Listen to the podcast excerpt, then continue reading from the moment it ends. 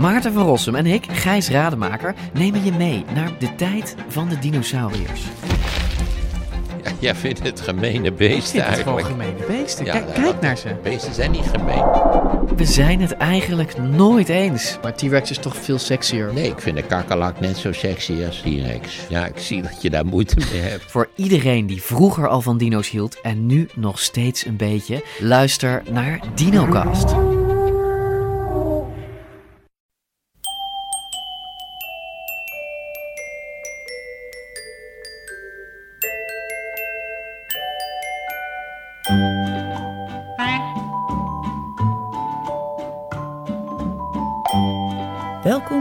Aflevering 232 van Echt Gebeurd. De podcast waarin waargebeurde verhalen worden verteld door de mensen die ze zelf hebben meegemaakt.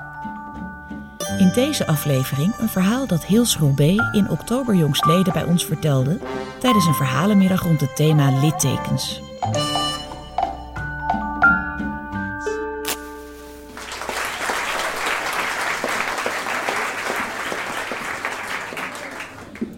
Uh, hier op mijn kin, daar heb ik een litteken. En iedere keer als ik daar uh, aan zit te prutsen, dan denk ik, uh, god, wat heb ik een geluk gehad. En ik heb echt vaak geluk gehad. Ik, ik moest het, het, huis uit, ik was jong. En het eerste huis, dat was meteen een etage. En dan moest ik wel weg, maar het volgende huis, dat was een eengezinswoning. En dat vond ik echt heel gaaf, want daar was ruimte voor een atelier. En ik studeerde in die tijd, en dat is 1991, uh, aan de Amsterdamse Hogeschool voor de Kunsten. En ik wilde dolgraag beeldend kunstenaar worden. Dus nu kon ik thuis ook aan de slag. Uh, ja, ik moest er wel weg, want het was dus een afbraakpand. En uh, net in die tijd kreeg ik een belletje van een vriendin. En zij vertelde dat ze met een aantal andere mensen een heel deel van een straat had gekraakt.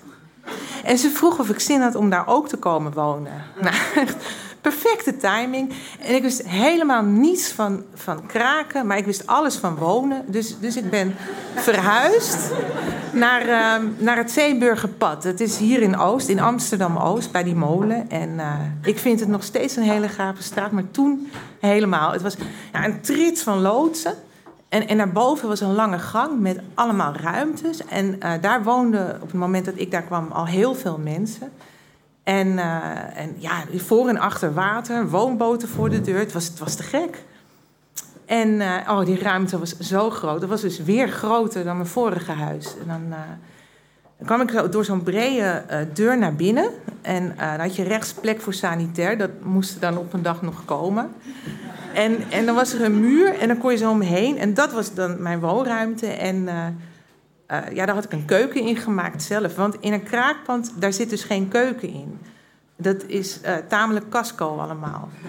En um, dus ik had zelf een keuken gemaakt. Maar ik had natuurlijk allemaal spullen meegenomen van mijn vorige huis. Dus ik had zo'n zo'n gasfornuis met zo'n oventje onderin.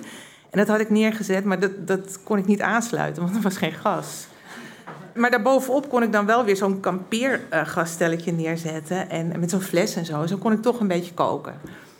Uh, ik had allemaal lampen opgehangen. Dat was heel gezellig, maar die kon ik niet aandoen, want er was geen stroom. en uh, in, in plaats daarvan uh, ja, stak ik dus kaarsen aan, want dat kan ik wel.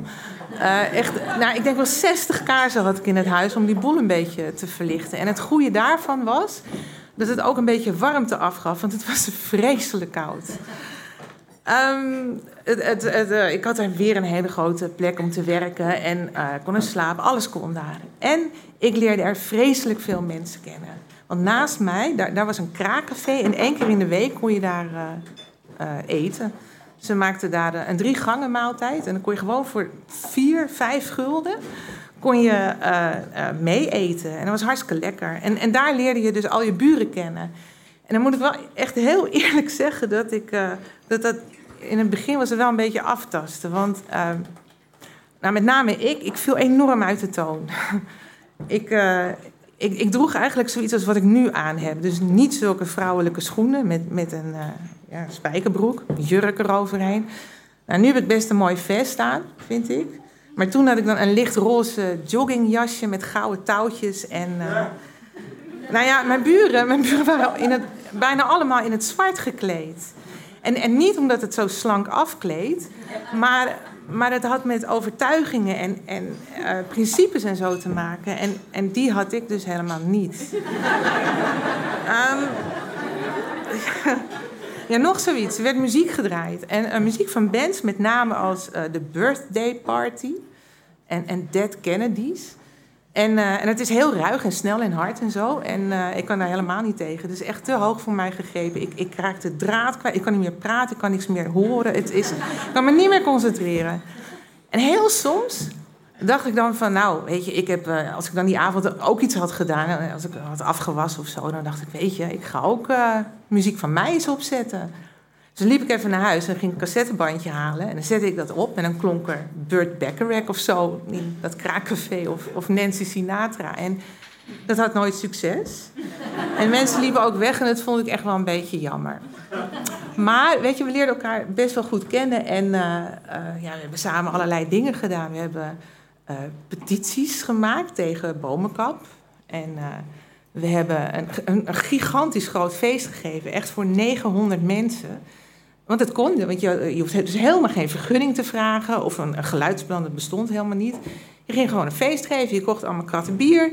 En dat bier dat, dat verkocht je dan voor weinig geld. En, uh, en van het, uh, die opbrengsten, dat weinige geld, daar betaalde je dan die, die beentjes van. En ja, je moest alleen even wat stroom regelen of zo. En zo kon je trouwens door heel Amsterdam feesten. Hè? Echt van uh, Frieshuis Amerika tot aan de omval. Was heel leuk. En dan had ik een buurjongen en die had dus ook een feest gegeven.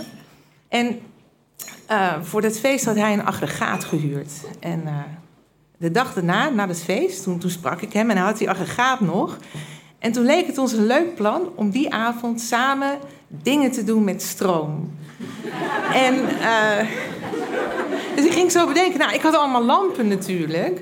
Maar hij had al een lamp, dus dat heb ik gewoon thuis laten hangen. En ja, wat had, hij, wat had ik nog meer? Ik had een föhn.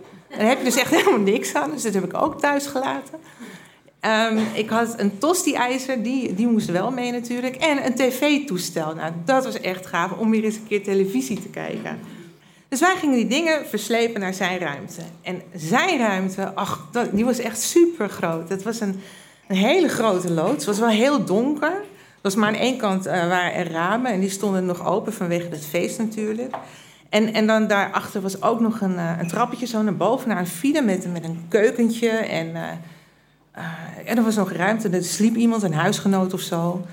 En, en nou ja, vooral in die loods, er stond een gigantische grote woonwagen. 12 meter lang. Gewoon in die loods. En daar woonde hij in. En prachtig, hè? Zo echt zo'n pipo-wagen. Helemaal met hout en, en nou, heel gaaf. En in die wagen gingen wij tv kijken. En dat was echt onwijs leuk. Want ja, het was typisch VPRO. Het was zondagavond van Coat en de Bie en zo. Was echt heel leuk. En op een gegeven moment, zo uh, wat later op de avond, half elf of zo... Uh, vraagt de buurjongen aan mij of ik zin heb in een in een kop chocolademelk. Nou, dat leek me wel wat. Dus uh, nou, hij stond op en hij greep meteen naar zijn benen en hij zei: Ah, hele zware benen. Volgens mij krijg ik de griep. Maar goed, hij loopt uh, uh, zo die, die deur uit, hè, die wagen uit. Die wagen die staat trouwens best hoog op zijn wielen. Hè. Dan moet je gewoon met een trappetje naar beneden. Dus hij loopt zo naar beneden om daar weer omhoog te lopen. En hij gaat chocomelk maken. En op een bepaald moment, dan, uh, hij, hij, roept iets en ik hoor het wel, maar ik versta het niet. Dus ook ik sta op en ook ik denk, wat heb ik uh, zware benen. Volgens mij krijg ik de griep. Dus ik loop zo naar die uitgang en ik sta zeg maar boven dat trappetje. Hè? En uh, hij staat daar op het trappetje en hij zegt iets. Ik maak het niet meer mee, want ik val flauw. Ik val gewoon die woonwagen uit. En ik word pas uh, buiten weer wakker. Uh, mijn buurjongen, die heeft mij dus uh, vanaf de ingang van die wagen... helemaal door die loods naar buiten weten te slepen. hij heeft me een beetje wakker gemaakt. En, het werkt niet, want ik val meteen weer weg. En dat herhaalt zich ook een paar keer. En op een gegeven moment ben ik wel wakker. En ik kijk hem even aan en ik zeg... joh, ha, laat mij maar lekker liggen hier. Het is hier zo fijn. Ik wil hier blijven, het is hier warm. Ik, uh, ik heb het erg naar mijn zin, weet je? Laat mij maar. Nou, die buurjongen die luisterde niet. En uh, die heeft me toch wakker gekregen. Die heeft volgens mij een plens water over me heen gegooid. Toen was ik wel echt wakker. Toen kon ik ook weer staan, een beetje lopen en zo. En toen moesten we op zoek naar een pleister. Want ik was op mijn kin gevallen. Ik was uh, zeg maar uit die wagen gevallen, zo van een meter hoogte. Was ik met mijn kin op een betonnen vloer terechtgekomen. Dus het was een behoorlijke diepe snee vooral. En uh, ja, het bloedde. Dus wij gingen op een paar plekken zo aanbellen. En uh, ja, mensen waren er niet of ze hadden geen pleister. En zo kwamen we uiteindelijk bij een Texaco terecht. Die had je toen daar bij die molen. En bij de Texaco hadden ze geen pleisters.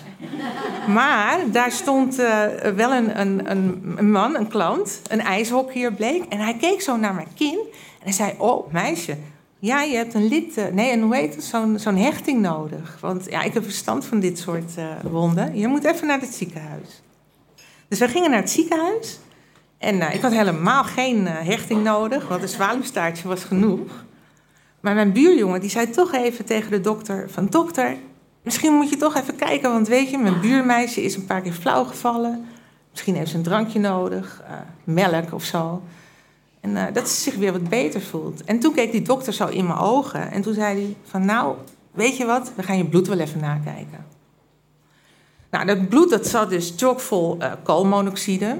En toen ging ze mijn buurman toch ook maar even nakijken. En ook hij zat er helemaal vol mee. Maar hij was dus niet flauw gevallen. Want de dag ervoor had hij zoveel gefeest en zoveel driekwart zware vanille uh, gerookt, dat zijn lijf al het een en ander gewend was. Nou, we moesten de hele nacht daar blijven aan het zuurstof en, uh, en de volgende ochtend mochten we weer weg. En toen zei de dokter nog wel van, ja, jullie hebben heel veel geluk gehad en uh, kijk een beetje uit voortaan. Want weet je, als je nu niet hier was geweest, hè, dan waren jullie hartstikke dood. Nou, dat maakte wel indruk. Dus uh, ja, nou, we liepen een beetje bedremmeld naar huis en gingen maar in mijn huis slapen. raam open en zo, een beetje bangig. En, en, de volgende nacht bleek dat, dat terwijl wij dus tv aan het kijken waren, was die huisgenoot even binnen geweest. En die, die moest even wat pakken of zo. En we hadden er niks van gemerkt in die wagen. En hij dacht daar van, oh, het is hier koud, ik doe die ramen even dicht. En ja, zo kon die gassen van die aggregaat dus niet meer naar buiten. En ja, werd die loods die liep een beetje vol. Nou, in die tijd daarna hè, was ik best een beetje bang. en een beetje warrig. En uh, volgens mij wilde ik echt alleen nog maar slapen met, uh, met de ramen open. En ik zat wel heel vaak hier zo te, te prutsen aan het wondje. En dan dacht ik van ja, maar toch wel heel veel geluk gehad eigenlijk. Maar een tijdje daarna, een paar maanden daarna, moest iedereen in die straat verhuizen, want uh, de straat werd ontruimd. En natuurlijk stond er gewoon weer een nieuw huis klaar. Het was weer groter, het was 180 vierkante meter. Ik moest wel, in tegenstelling tot mijn vorige huis, moest ik nu wel huur betalen, maar er was wel stroom. Het was trouwens ook pokkenkoud, maar ik kon er wel slapen met de ramen dicht.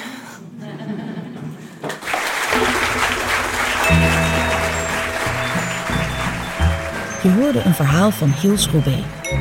Hils Robé is beeldend kunstenaar. En voor een indruk van haar werk kun je kijken op www.hils.nl. Echt Gebeurd is een verhalenmiddag die iedere derde zondag van de maand plaatsvindt in Comedy Club Toemler in Amsterdam. Deze maand is dat op 19 januari en dan proberen we iets nieuws. We houden onze eerste Story Slam. Bij een Story Slam mag iedereen met een verhaal, dat in dit geval past in het thema onderweg, zijn naam in een hoge hoed doen.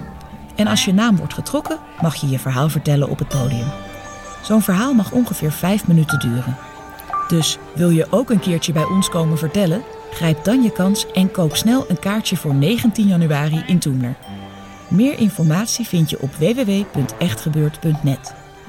De Echt Gebeurd redactie bestaat uit Micha Wertheim, Paulien Cornelissen, Rosa van Toledo en Maarten Westerveen. De productie doe ik, Eva Zwaving. De zaaltechniek is in handen van Jasper van Oorschot en de podcast verzorgt Gijsbert van der Wal. Dit was aflevering 232. Bedankt voor het luisteren en vergeet niet, als je gezellig met een vriend een avondje dingen gaat doen met stroom, neem je tosti-ijzer en je tv mee, laat je föhn thuis En zet voor de zekerheid even een raampje open.